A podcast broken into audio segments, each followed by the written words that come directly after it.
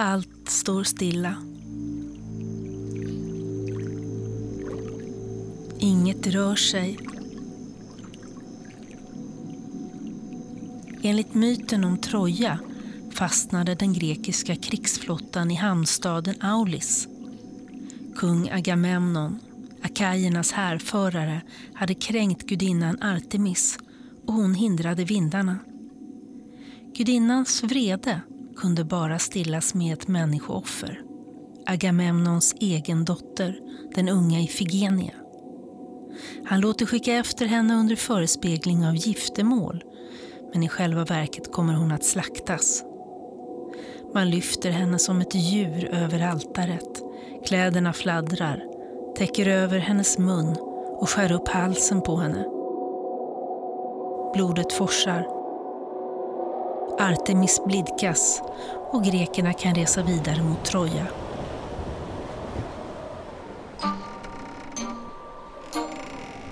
Du lyssnar på Anekdot Essä, Kvinnodomstolen.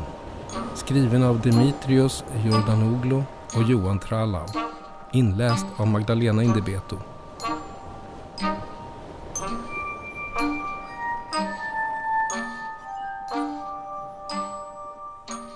Offrandet av Ifigenia inleder en lång, grym kedja av mord känd genom den atenske tragediförfattaren Aiskylos trilogi Orestian.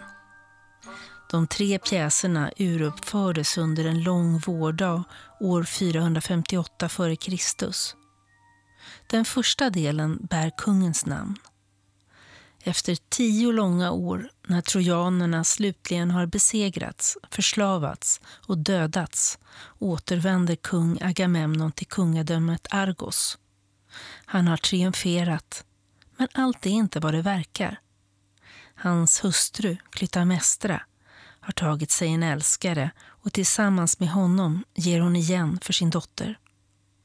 Först övertalar hon kungen att tåga in i palatset på en purpurfärgad matta så att gudarna ska vredgas över hans högmod. Strax därefter klubbar hon ihjäl honom i badet. Hämnden är ljuv, men dramat långt ifrån över. Agamemnon och Klytaimestra hade en son, Orestes. Han går i exil och göms undan hos en vän till familjen.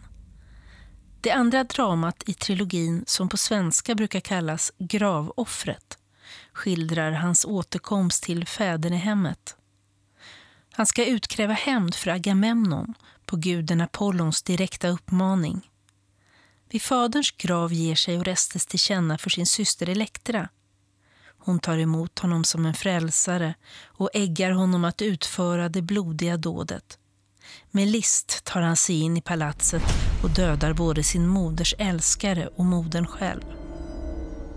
Men inte heller här slutar dramat. Orestes jagas nu av erinierna, de hämndgudinnor som på hans döda mors uppdrag förföljer honom och inte ger honom ro.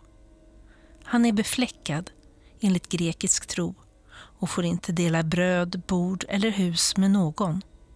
Han är utstött och erinierna som liknar ormar och hundar och som dricker blod vill jaga honom in i och bortom döden.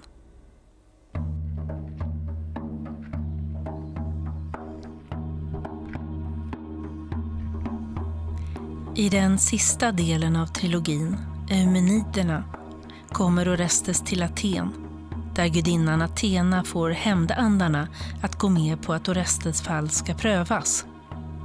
Nu instiftas världens första domstol, Areopagen, och världens första jury sammankallas.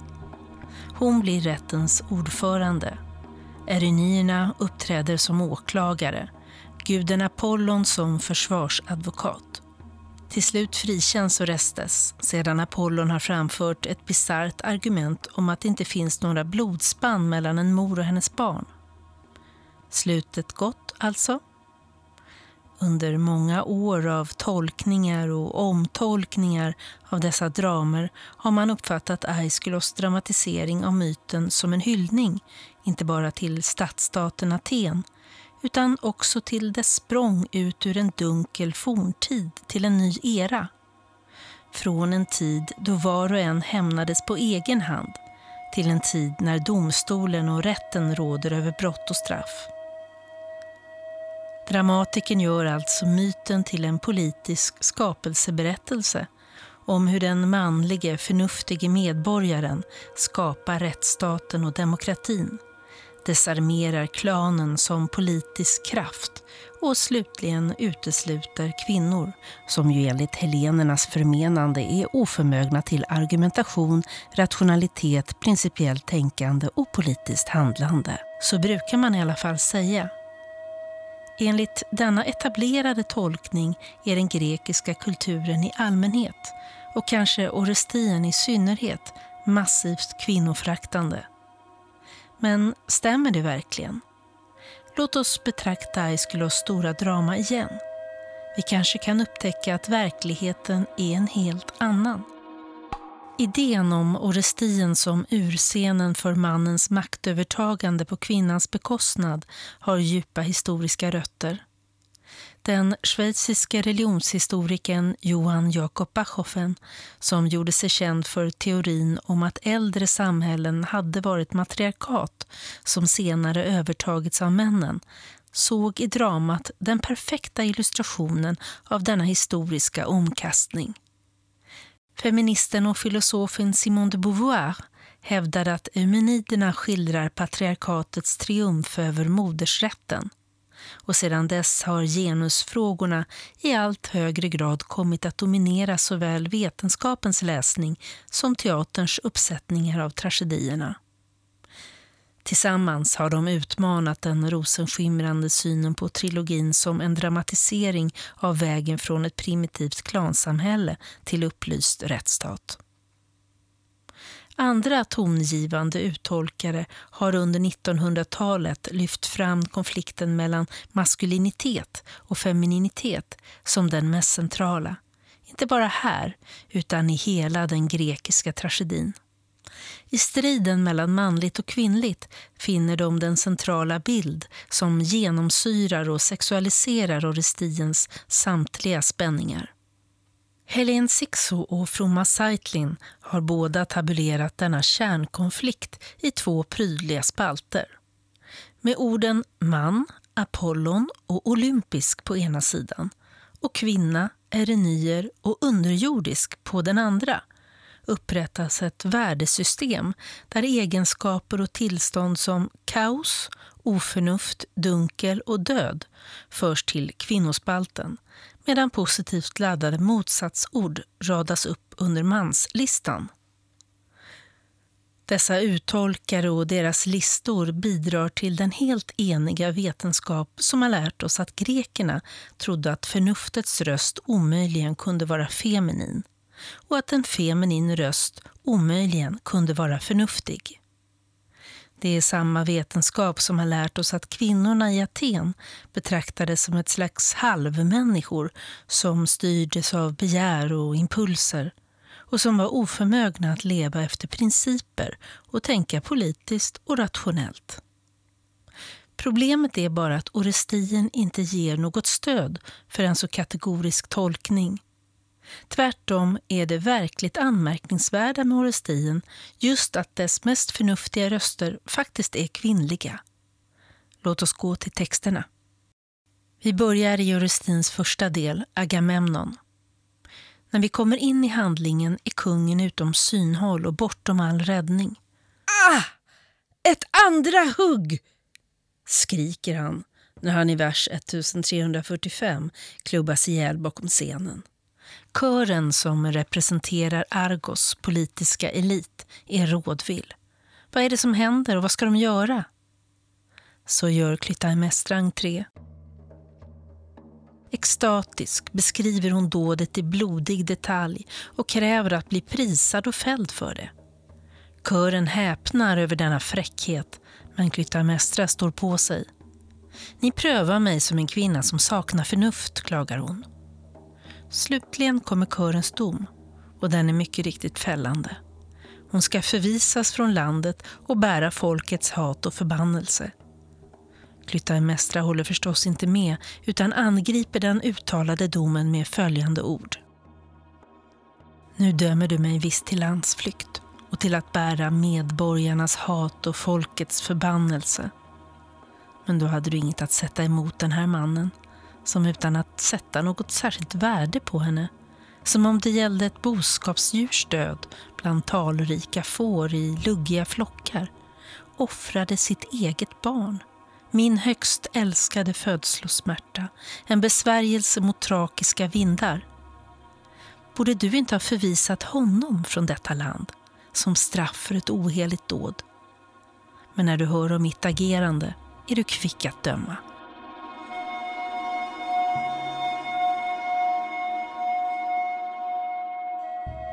Klytaimnestra varken bönar eller ber. Hon argumenterar. Hennes övertalningskraft är inte främst erotisk som så många velat hävda. Hon försöker knappast förföra kören som består av skruttiga gamla män. Inte heller kommer hon med auktoritetsargument som Agamemnon själv gjorde var gång han rök ihop med någon i Iliaden. Hon nämner visserligen dotterns död, men det förvandlar inte hennes resonemang till ett snyft argument. Och trots att hon med lätthet skulle ha kunnat koncentrera sig på maken, ett otroget barnamördande svin, håller hon sig borta från personangreppen.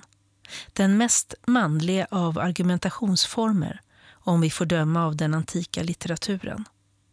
Nej, Klytaimnestras kritik av kören utgår från och återvänder till dennas eget agerande.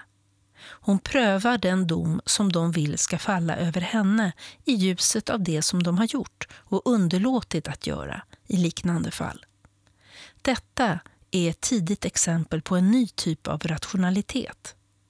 I sin replik både hänvisar Klytaimnestra till generella principer och kräver att dessa tillämpas konsekvent, om än implicit. Den som begår ett oheligt dåd ska förvisas från landet och bära folkets hat och förbannelser. Det är på denna premiss som kören försöker döma henne, men hon vägrar, på högst rimliga grunder. Inte då och därmed inte heller nu. Inte honom och därmed inte heller mig. Det spelar ingen roll om Klytaimestra har rätt eller fel. För stunden intresserar vi oss bara för hur Klytaimestra argumenterar och det förefaller uppenbart att de går tillväga på följande sätt. Hon försöker i två olika steg bedöma om en uttalad ståndpunkt, du ska landsförvisas, är godtagbar. Först försöker hon förstå vilken principiell grund som åberopas som stöd för ståndpunkten. Därefter försöker hon avgöra om de som framför ståndpunkten har varit konsekventa i sin tillämpning av den princip som tänkts rättfärdiga ståndpunkten. Redan här ser vi att Klytaimnestras argumentation inte präglas av oförnuft och dunkel utan av dess motsatser. Redan här börjar de två spalterna med manliga respektive kvinnliga egenskaper att svaja betänkligt. I den ryckiga dans som nu tar vid mellan Klytaimnestra och kör följer kören en väg som liknar den Sokrates har i Platons dialoger.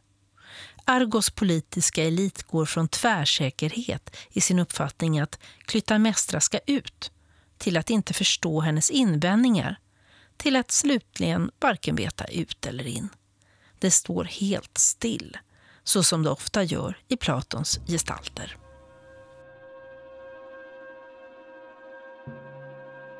Till sist måste kören erkänna att den inte längre vet vem som egentligen ska omfattas av de principer som den har strött omkring sig utan att ens kunna bestämma dessa principers idéinnehåll och ungefärliga omfång.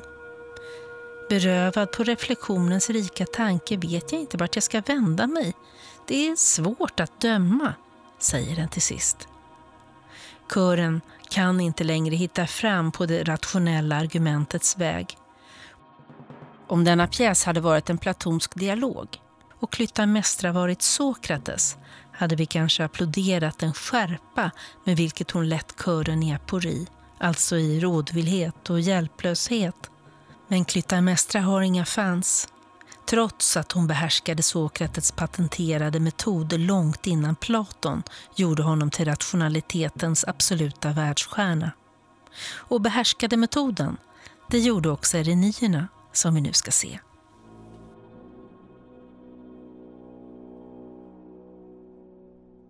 På inrådan av oraklet i Delphi, Apollons viktigaste helgedom, mördar Orestes sin mor som hämnd för mordet på fadern. I Eumeniderna har hämndgudinnorna jagat honom från Argos via Delphi till Aten. Där står han nu inför rätta. Först försöker han föra sin egen talan, men Apollon tar snart över försvaret. Guden börjar storslaget i vers 615. Jag är en siare och jag ska inte ljuga, säger han. Men börjar direkt därefter skylla från sig. Han har aldrig genom sitt orakel förkunnat något som inte Zeus har sanktionerat. Så det var Zeus, frågar hämndgudinnorna, som nu har axlat åklagarens roll, som rådde Orestes att döda Klytaimnestra och helt bortse från hennes egen rätt till föregående hämnd. Ja, självfallet, svarar Apollon. Det går nämligen inte, säger han, att jämföra en ädel mans död med en kvinnas.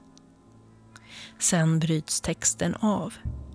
I de förlorade textpartierna tycks Apollon ha givit en allt annat än smickrande beskrivning av Klytaimnestra.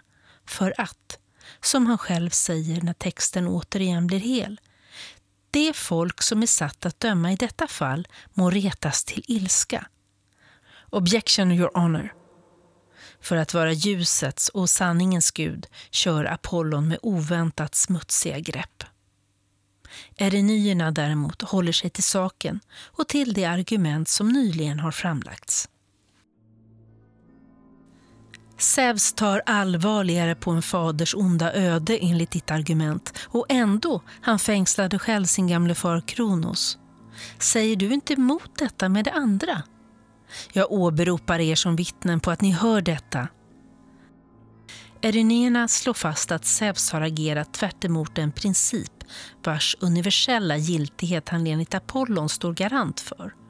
Erenierna. Dessa vidriga haggor som special effect-teamet enligt en sen anekdot gjorde till så fruktansvärda monster att de gravida kvinnorna i publiken fick missfall av skräck. Här förlöser de i det närmaste motsägelselagen. De kan mycket väl ha varit de första i hela den västerländska litteraturen som uttryckligen beslår någon annan med en självmotsägelse. Och de tycks veta att de har gjort något märkvärdigt och viktigt. För första och sista gången under själva pläderandet vänder de sig direkt till juryn. Inte som Apollon för att reta upp dess medlemmar genom att svartmåla sin motståndare utan för att försäkra sig om att också de har hört vad vi har hört. Apollon, eller möjligen Zeus, säger det emot sig själv. Förnuftet är den imperialistiska demokratins nya musa. Låt vara att det kanske inte härskar på Olympen. Vi såg hur kören i Agamemnon reagerade med villrådighet när de konfronterades med sin egen inkonsekvens. Apollon reagerar annorlunda, med aggression och förolämpningar. Era vidriga odjur, era gudastyggelser. Vulgariteten saknar motstycke i den grekiska tragedin.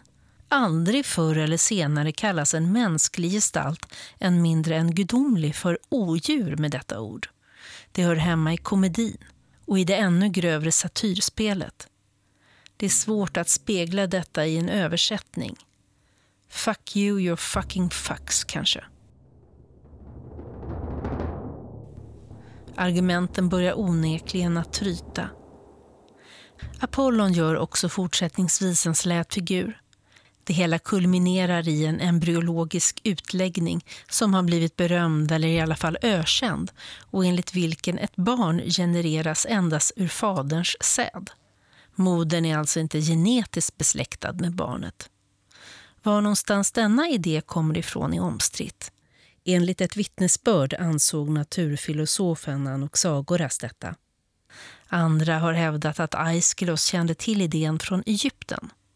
Hur som helst innebär det att livmodern reduceras till en Tupperware. Orestes må ha mördat sin mor, men han har alltså inte spilt sitt eget blod och därmed har Erynina ingen blodshämnd att utkräva, per definition. Halva juryn accepterar detta.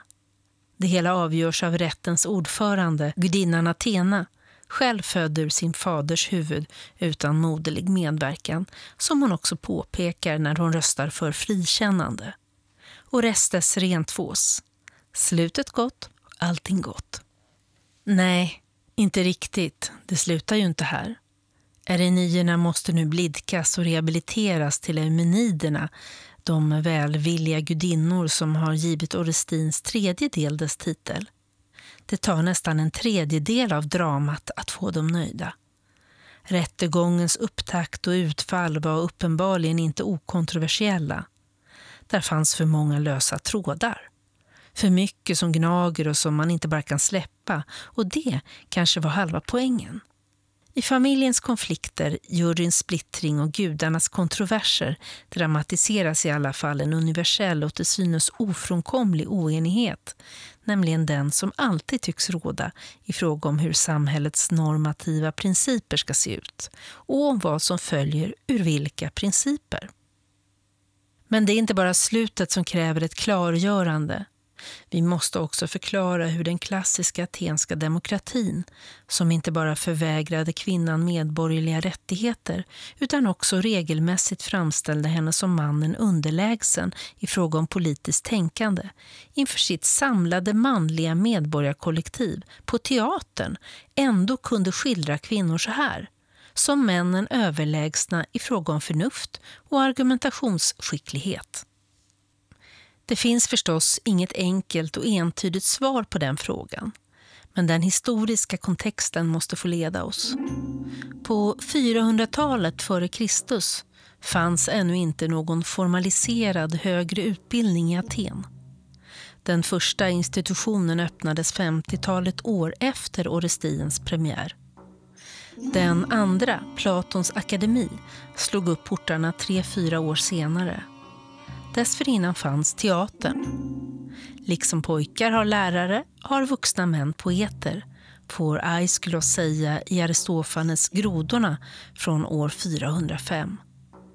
Den atenska teatern var helt och hållet en politisk och massmedial institution som fungerade både som propagandaorgan och som experimentell och ibland subversiv arena. På teatern gavs det atenska medborgarkollektivet inte bara underhållning utan också ett språk och en plats för reflektion, såväl samhällelig som personlig. Orestien pendlar hela tiden mellan propagandans och problematiseringens extremer och den tycks inte kunna bestämma sig för vad det egentligen är som prövas och vilka lärdomar som ska dras. Därmed vill vi hellre läsa den som en dramatisk lärobok i politisk argumentation än som en mer eller mindre fundamentalistisk ideologisk pamflett. Vi vill ifrågasätta de tolkningar som här vill se ett allvarligt menat försök att iscensätta femininitet som naturligen irrationell och misogynin som självklar och politiskt och teologiskt sanktionerad. Vore detta ett av dramats syften måste slutsatsen av vår läsning bli att Aeschylus var en tämligen usel manusförfattare som liksom den fjärrskådande Apollon var blind för sina egna självmotsägelser. En klåpare, helt enkelt.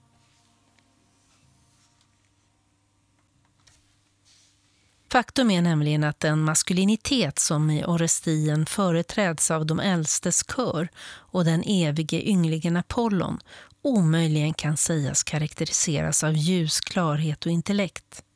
Det är häpnadsväckande, rent av skandalöst, att sanningens gud genom hela Eumenidernas rättegång argumenterar med ett sånt förakt för vanlig debattrationalitet de manliga gestalternas oförmåga och ovilja att besvara motargument med annat än okväden och ett ö utgör ett problem som en läsning av Orestien måste förhålla sig till. Låt oss återvända till den historiska bakgrunden. Trilogins iscensättning av goda och mindre goda exempel på politisk argumentation och vad vi nyss kallade vanlig debattrationalitet måste ses i ljuset av att vi faktiskt saknar tidigare historisk evidens för något verkligt jämförbart. Vi kan helt enkelt inte belägga att den atenska medborgarmassan ännu hade upparbetat och internaliserat en praxis för politisk och juridisk förhandling. Eller för den delen, att man redan hade ställt upp sånt som motsägelsefrihet, saklighet och konsekvens som krav på och ideal för det politiska och juridiska samtalet. Orestien var förstås inte först i någon absolut mening i något av dessa avseenden. Förnuftet föds inte här. Men den ger oss en av våra allra tidigaste inblickar i hur rationaliteten börjar ta sin kulturspecifika form i de helenska demokratierna. Att kvinnliga gestalter fick vara banbrytande i denna första formativa period kanske låter sig förklaras med innovationsteoretiska grunder. Orestin ger den atenska publiken möjlighet att lämna ett äldre sätt att debattera. Vi känner det från Iliaden, där kraven på tydligt uttalade generella principer och konsekventa tillämpningar och härledningar inte är lika högt ställda, om de överhuvudtaget ställs. Där prövas och bifalles en ståndpunkt på andra grunder än koherens och av andra församlingar än ett nominellt jämlikt masskollektiv. Hur alternativa former för samtal och sanktionering borde te sig var förstås inte en gång för alla givet, men som den nya rationalitetens försökskaniner lämpade sig sannolikt de kvinnliga rösterna alldeles utmärkt. Om de nya former för och krav på argumentation som Aiskulos här låter dem framföra skulle förkastas av medborgarnas massa har varken han eller de förlorat något i övrigt. Klytaimnestra får gärna ha fel. Hon och hennes medsystrar är det perfekta experimentet. Denna läsning av Orestien visar att vår egen historieskrivning, om så på fullt begripliga grunder, har utvecklat blinda fläckar när det gäller förhållandet mellan femininitet och rationalitet i det klassiska Grekland. I litteraturen, liksom i det verkliga livet, fanns fler kvinnor som utmärkte sig genom sofistikerad argumentationsteknik. I Aristofanes antikrigsdrama Lysistrate säger huvudpersonen jag föddes kvinna, men jag är förmögen att tänka och jag står mig väl med min egen intelligens. Jag har hört min far och de gamla tala många gånger och jag är långt ifrån obildad. Lysistrate 1024 1027. Min far, de gamla, kanske det. Kanske har hon lärt sig av tidigare generationer. Men studiet av argumentationsteknikernas utveckling i det antika Grekland pekar snarare på att det är en nyhet och en civilisatorisk landvinning det rör sig om. Inte ett troget bevarande av traditionen. Kanske är Lysistrata här onödigt blygsam eller nödvändigt blygsam för en som smyger in förändringar.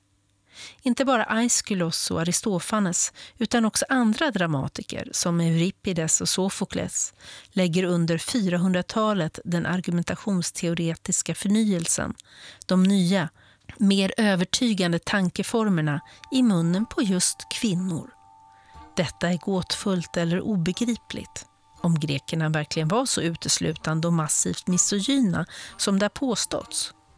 Mycket kan sägas om den argumentation som Aiskylos låter Klytaimnestra och Eronierna utveckla i Orestien. Men inte att den är ett tecken på någon sorts allmän ideologi som enbart gör kvinnor till irrationella, principlösa, opolitiska och oteoretiska varelser.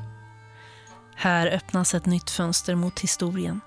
Här vädras nyare sanningar och vi kan fråga oss om inte berättelsen om grekerna och grekinnorna och om deras syn på kön och rationalitet måste skrivas på nytt.